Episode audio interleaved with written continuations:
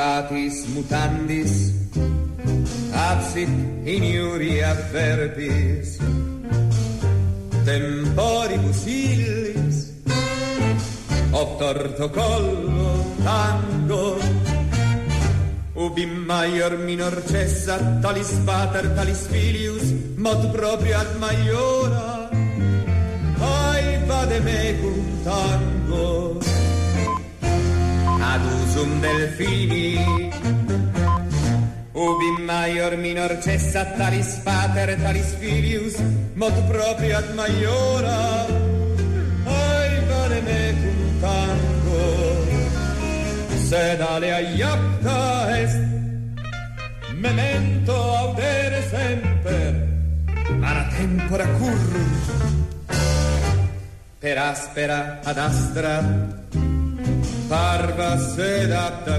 mi, orribile viso, sed ex abrupto tango, ubi maior minor cessa talis pater talis El tango que da paso a nuestra querida profesora de la UPV, Maite Muñoz.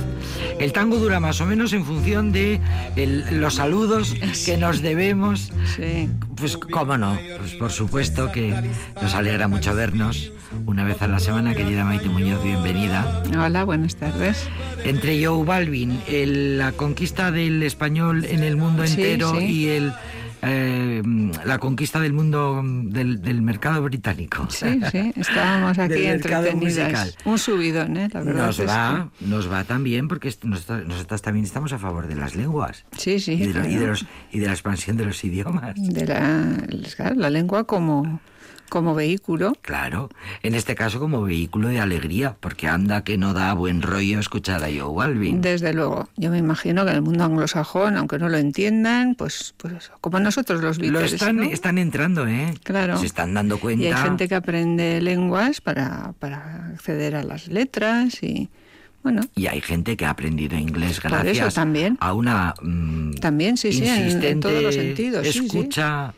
De siempre toda la vida de Sí, música. sí. eh, Ahora es más fácil, además, tenemos pues todos los programas se pueden ver en versión original o vamos, es muchísimo más fácil es darle a una tecla por general en el mando a distancia o, o en las mm, vamos, en fin, eh, sí, eh, Los que todo tiene los su ventaja. ahora claro. mismo te, sa- te cantan la canción en inglés de cabo a rabo y bueno, claro, el ordenador e internet ha sido fundamental. Sí, pues lo que es una revolución. Las, todas estas plataformas, bueno, tienen un poco de todo para todos los públicos, pero una de las facilidades que proporcionan es esa, ¿no? La de la del que por lo menos nos pueden sonar, por ejemplo, las voces originales de los actores, si queremos, es una opción.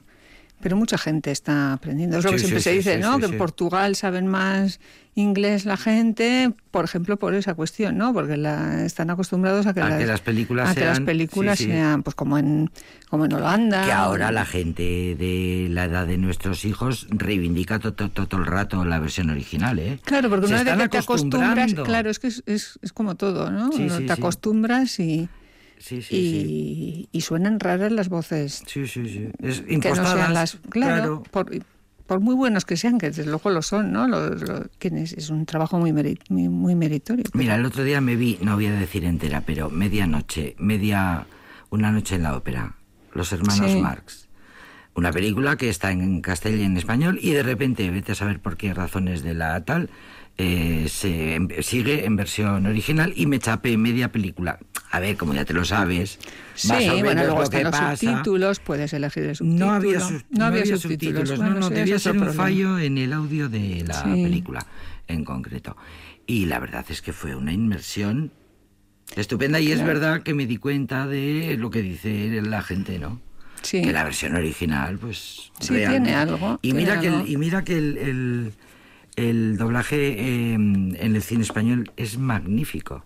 Siempre ha sido muy bueno. Sí, sí, sí, además como muy reconocido, ¿verdad? Muy reconocido. En, el mundo. Grandísimos acto- actores y actrices, Sí.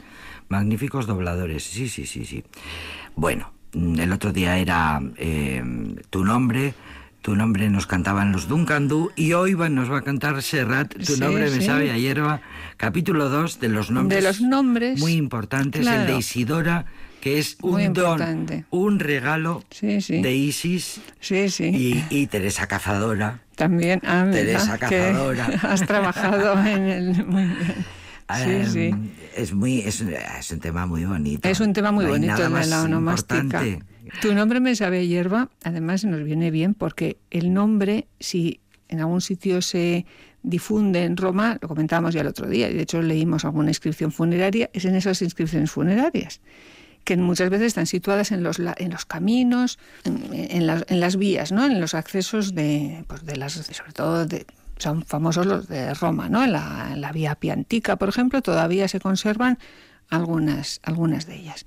Y esas, ellos se llamaban jardines, es que eran jardines y los romanos los llamaban orti. Entonces, esa vinculación del nombre y de la hierba, que, me parecía muy, muy apropiada ¿no? para, para recordar hierba. tu nombre me sabe esa relación. Y de hecho, pues ya veis que estos, en estos días en concreto, en estas festividades, pero bueno, en realidad siempre los cementerios suelen estar asociados, son jardines cada vez más y flores. Ahora hay más flores porque la gente lleva más flores o ha intentado llevar sus flores, pero en realidad eso es algo que se mantiene desde la antigüedad también.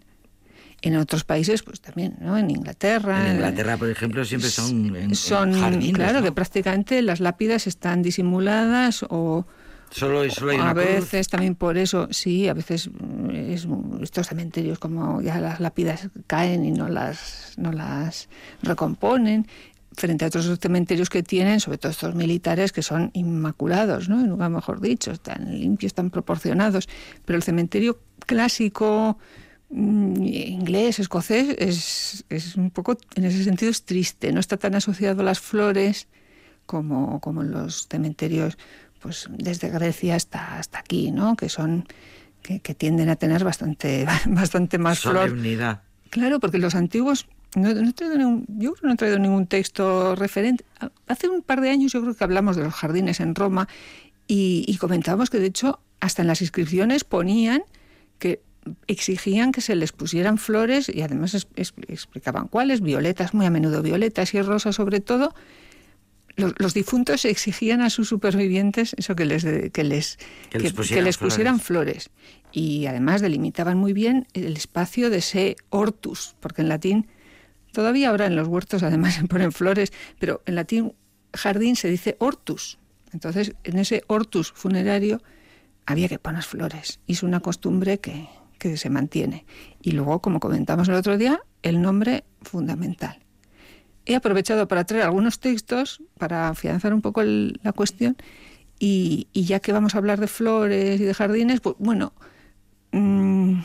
textos en los que los difuntos juegan con su nombre, en este caso relacionado con la flor, que sigue siendo un tipo de nombre bastante habitual. Aquí tenemos muchas lorea, mucho flor, en fin, ¿no?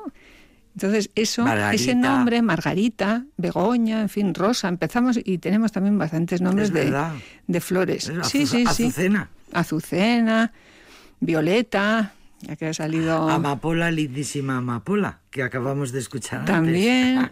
bueno, en fin. Entonces, esto es una vinculación y nos recuerda un poco lo que hablamos la semana pasada, lo que dejamos para el final casi, que es el juego con el nombre. Entonces, donde más se juega con el nombre es en estas composiciones funerarias que quieren destacarse un poco de las demás, no quieren ser la típica en la que solo viene el nombre y la edad, o ya si son más cristianas la fecha de la muerte, que es muy importante para, para los cristianos, porque se considera el día del nacimiento, el dies natalis, como dicen ellos. Entonces, el, recurso a jugar con el nombre es muy habitual. Lo decíamos el otro día, y con el tema de las flores, si ya encima te llamas flor o algo parecido, pues, pues todavía, todavía más. Mm, voy a buscar, a ver, sí, por ejemplo, ¿eh? el motivo de las flores. Si encima es una niña, en este caso la, la, muerta, y, y, se presenta además un poco como, como lo hicimos el otro día, como lo explicamos el otro día. Y eh, el texto es este, una vez más en, en verso, se supone que estaría. Aquí, mira, estamos traduciendo también, estamos A veces se traiciona un poco el espíritu, pero bueno, en este caso es evidente que tenemos que traducir los textos. No podemos leer el texto en latín porque no entenderíamos. No sabemos latín. En fin, en esta tumba está enterrada Flora, la hija de Ingenuo, que vivió un año y nueve meses, y las honras fúnebres que debiera haber hecho la hija en honor del padre, estas el propio padre, por culpa de un azar adverso, las ha ofrecido a su hija. Tierra fértil, te ruego que te dejes caer con suavidad sobre estos huesos, no sea que la ceniza de esta niña se remueva por culpa de tu peso. Te ruego que te dejes caer con suavidad, que la tierra te sea leve Aquí el, juego es un poco además la tierra, flora, la tierra. ¿eh? Y es muy curioso, ¿no? La ¿eh? primera parte es un drama. Qué drama, ¿eh? Vemos una característica muy habitual también de las inscripciones de niños. Una niña, un, hijo, un padre nunca debe sobrevivir. Eso a un es, es, está ese tópico, efectivamente, que, es mm, perfectamente comprensible porque llega, porque claro, bueno, no es que sea comprensible, es que es que es, es, es así debiera de haber sido al revés, ¿no? Las flores no. Es una obligación de los hijos, claro. Entonces, estas, estas honras. Y luego está el tópico de, que está muy vinculado al anterior, esto se llamaba en latín mors inmatura, la muerte no madura, no ha madurado la vida, entonces es una muerte especialmente injusta.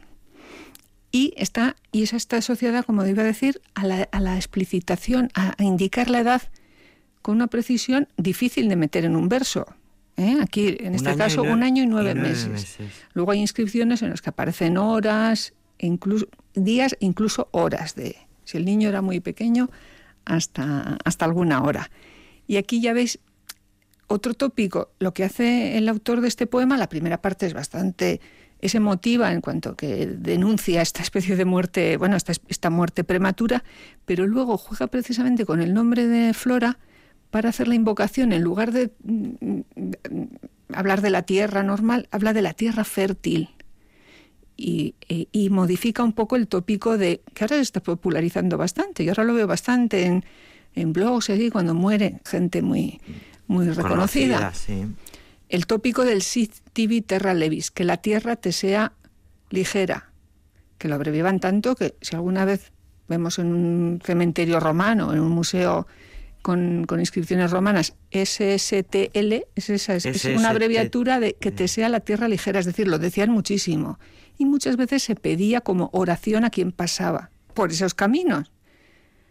Y había una fórmula muy, muy propia, incluso en inscripciones que no son en verso tan cuidadas como esta, que decían eso, caminante, mm, párate un momento y lee por favor mi nombre y luego y, reza eh, o pronuncia el sit tibi terra levis, que la tierra te sea ligera. Otras veces los autores, si quieren desmarcarse un poco, van a decir que la tierra no te sea pesada. Entonces utilizan el adjetivo gravis, el de la gravedad. Es, es así, pero aquí se modifica y se amplía un poco. ¿eh? Es el ruego, el padre se dirige a esa tierra que va a coger a, la hija que, se llama Flora. ¿eh? En fin, es, es bastante... Tierra fértil, te ruego que te dejes caer con suavidad sobre estos huesos. Es bastante curioso. Es tierno, sí, es muy tierno. Es muy tierno. Luego, con otro sentido, más con más no sea que la ceniza de esta niña se remueva por... Claro, hay, también esa es una parte que otro día podemos tratar. Las imprecaciones incluso se meten con... Eh, el padre le dice al, al, que va, al que va a cavar la tumba, fósor, es que como en latín se dice fósor, no me salió la palabra cavador, sería, ¿no? Eh, ahora teníamos sepulturero, sepulturero mejor. sepulturero, ten cuidado, claro. Sí, sí, es una también era un cargo en la. Entonces hay no muchas en Roma, sobre todo sí que hay inscripciones mm, dedicadas en las que se habla, se le pide por favor que no maltrate esos huesos al, al trabajar la tierra. Es también curioso. También vamos a ir apuntando. Y hay veces que hay amenazas incluso de lepra, de anatema, de excomunión a quien, a quien haga algo con esos, con esos, con esos restos. Un poquito más sentido del humor.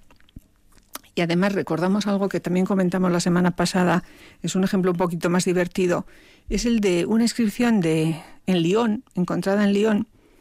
Es un epitafio que está en un cipo, en un pequeño monumento de cerámica. O sea que es posible que este monumento no albergara, no, no guardara los, los huesos, porque además, como vamos a ver inmediatamente, es un soldado que igual murió en otro lugar y entonces tendría una sepultura donde muriera y luego eh, esta, esta especie de, homenaje, eso es, en, simbólico, simbólico, pero como comentábamos el otro día, habla en primera persona. En, este caso, en el anterior era su padre, ¿no? Ingenuo, que la, niña se llamaría Flora Ingenua, lo que comentamos el otro día. Flora Ingenua, la hija de Ingenua, claro. claro. Y aquí en este caso dice, yo, Mesorio Floro, soldado veterano de la primera legión Pía Fiel Minervia, que hice esta inscripción para mi querida esposa y para mí en vida, os ruego, amigos complacientes, que adornéis a Floro con flores. Aquí además la traducción, como además en latín se dice parecido, a Floro con flores. no modifica demasiado. Aquí se ve muy claro el, juego del nombre. En, el caso anterior era la flor, el jardín, la tierra fértil y todo esto. Aquí en este caso, ya veis, os ruego, es un tópico habitual, lo que comentábamos antes, ¿no? Los, los, cuando se pide a los herederos o a los supervivientes que, que, cuiden. A los complacientes. Pero en este caso son complacientes, que estéis a gusto, que, me recordéis bien, y el, el que adornéis a Floro con, a floro con flores. Con flores, que además, pues, seguramente. su, puntito, su puntito de, de, de humor. Claro, y ya de paso incluye, vamos a ir sacando hoy otras informaciones al, al margen la inscripción para el matrimonio es bastante habitual, ¿eh? que, y, hecha en vida, son tópicos. ¿eh? Es decir, esto lo hicimos en vida, lo preparamos en vida. Y luego la inscripción, eso, dedicada al, matrimonio, que además incluso en Roma crean una palabra para eso, que es bisomus. esta es una tumba para dos cuerpos. ¿Eh? Vi. claro, y somus, es una mezcla entre latín y, y griego somos como soma, somato, somatizar y todo eso, referido al cuerpo. Entonces incluso hay, hay inscripciones de ese, de ese, estilo. Hay veces que se encuentra, pues igual que ahora podemos encontrar en, los panteones, eh, familia tal y solo un nombre y luego todo el hueco. Eh, sí que hay veces que en las inscripciones, en, estas, en estos enterramientos para, para dos cuerpos, vemos una inscripción a la izquierda, pero la de la derecha vacía o, que, bueno, algunas incompletas. Es decir, lo dejaban como preparado, pero no del todo, claro, a la espera de... y luego las circunstancias pues cumplían. Pero sí que parece que era una cuestión que se... o por eso, o por lo menos lo insisten mucho los mucho, bastante las inscripciones, que, a menudo se, se, decidía entre dos. También viendo desde el punto de vista de la pequeña historia de la mujer en la antigüedad, lo poco que se podemos sacar, bueno, parece que en este caso... a las mujeres tenían voz tenían por lo menos, podían participar del enterramiento con, con su marido y era una decisión conjunta. Además aquí habla de su querida esposa, bueno, podría ser un tópico, pero bueno, podían haberlo puesto y lo, lo ha puesto. Entonces, bueno, vamos a, vamos a pensar que, que Mesorio Floro, y en el caso de Mesorio Floro, recordando otra vez la lección del otro día, Mesorio sería el nombre de familia, el nomen, y Floro el cognomen, el nombre por el que le llamarían seguramente, que decíamos. Luego también, no es tanto juego nombre, pero nos viene además para, para repasar el nombre, había traído, además, para que veamos, siempre hablamos de inscripciones de Roma, pero en realidad textos en latín, además se enlaza un poco con lo que comentamos al principio, ¿no? claro, pues también hay inscripciones en Numidia, como la de un chico que se llamaba Gallo, prenomen, Cornelio, un nombre además bastante conocido, el nomen, y Fortunaciano, que es una variante de Fortunatus, de Fortuna, sería el cognomen. Entonces este chico se presenta así, es así presentado. Mezcla aquí un poco la tercera y la primera persona. A veces se les va la... Claro, lo normal es hablar del difunto en tercera, pero ya hemos visto que hablan bastante les dan un poco la voz en primera, ¿no? como el anterior, yo fulanito de tal, como yo Claudio, lo mismo. Sí, sí. Bueno, y entonces el texto es así, este, este texto de Numidia. Gallo Cornelio, conocido en otro tiempo como Fortunaciano, es decir, le conocían con el cognomen, por el nombre de su padre, o sea que el cognomen sería el mismo que tenía su padre, y ahora viene el elogio, la parte de elogio que es curiosa y bueno, y, la vamos a leer. Eminente por su afán de aprender y de muy buena apariencia, a quien se lo llevó la muerte cuando apenas comenzaba a florecer su juventud. Bastan estas palabras, y ahora un cambio de perspectiva, no soy el único que ha muerto que nos sorprende. Es un poco como impacto, lo. impacto, es, es un impacto, no esperamos, es claro, porque lo anterior entra ¿Qué dentro de lo que. decir? Que han muerto muchos soldados, por claro, ejemplo. no podemos decir más, eso, basta, ¿no? No ya es el paro aquí. Vamos a reconocer que la muerte eh, afecta a todos, ¿no? Pero en realidad es una sorpresa, ¿no? Es así un texto extraño. Es extraño. Es extraño porque parte nos A no esperamos ser otra que haya cosa muerto, porque hay por un ejemplo, elogio. en claro, no nos dice en algo empezaba a florecer su muerto juventud. Claro, en no sabemos. o en, o en la guerra. Sí, claro, no nos da, O- no, o en no nos da más, no nos da más, más información.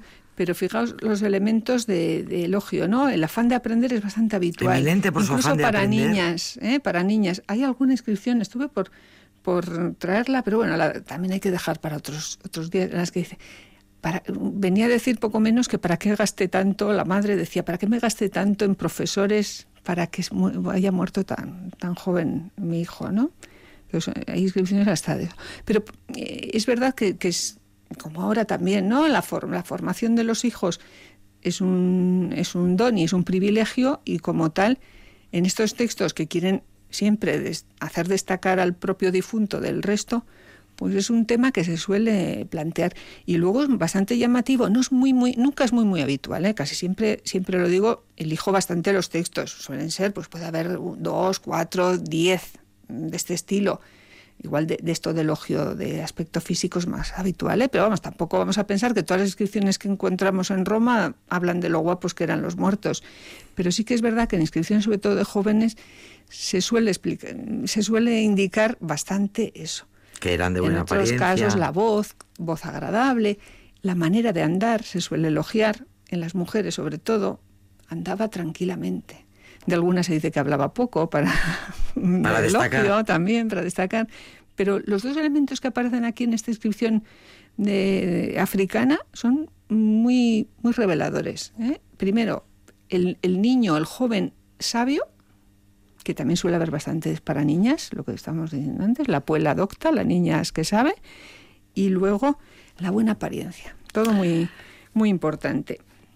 Nos quedaría, era un tema que quería comentar que además está relacionado con el nombre. Os lo comento. El, ¿Cómo se inserta a veces el nombre en estos textos? Es una costumbre que llega hasta nuestros días. Hay poetas que todavía lo intentan.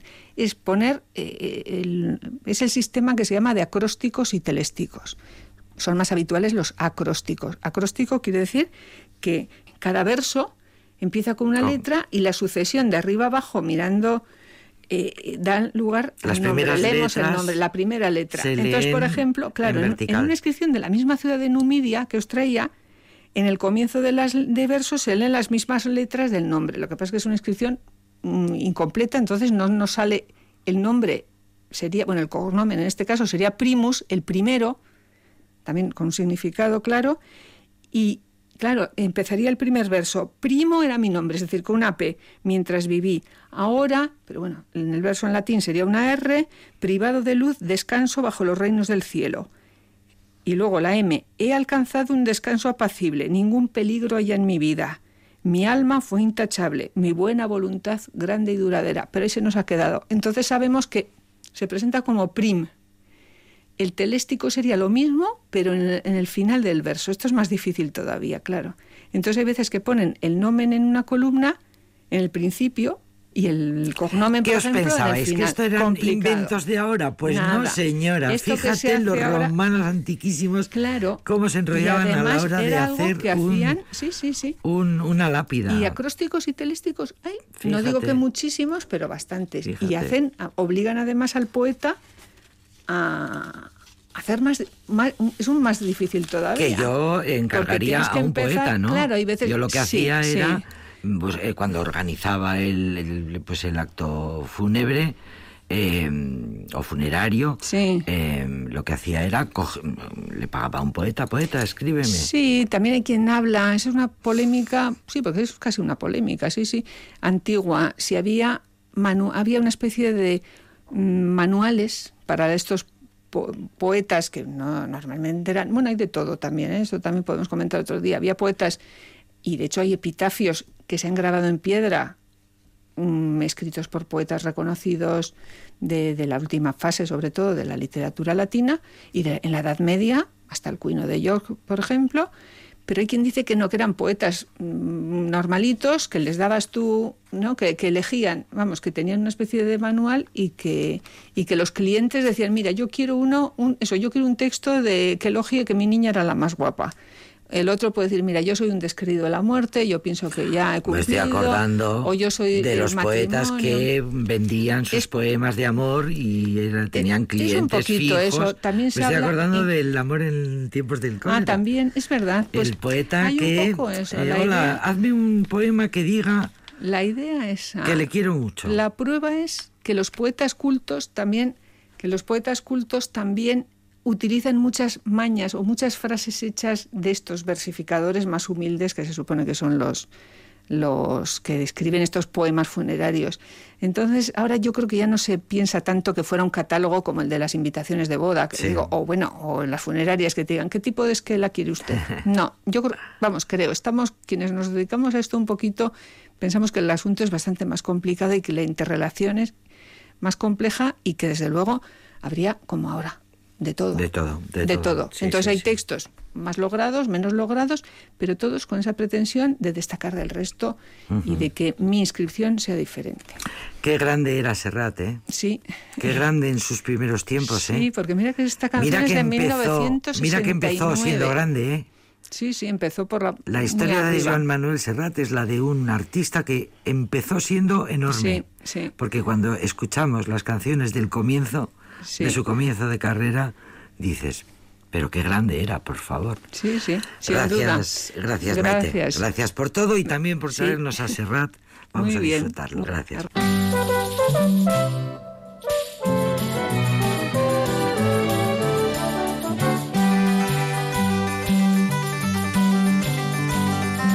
Porque te quiero a ti, porque te quiero Cerré mi puerta una mañana y eché a andar porque te quiero a ti, porque te quiero. Dejé los montes y me vine al mar. Tu nombre me sabe a hierba, de la que nace en el valle a golpes de sol y de agua tu nombre me lleva atado en un pliegue de tu talle y en el bies de tu enagua. Porque te quiero a ti, porque te quiero.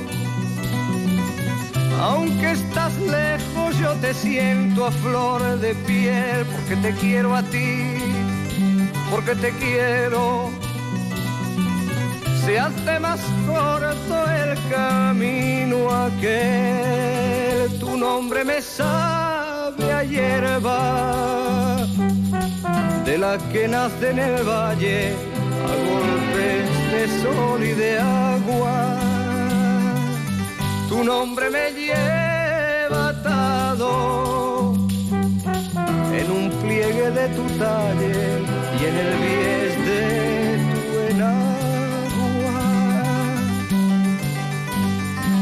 porque te quiero a ti, porque te quiero. Mi voz se rompe como el cielo al clarear, porque te quiero a ti, porque te quiero. Dejo esos montes y me vengo al mar. La, la, la.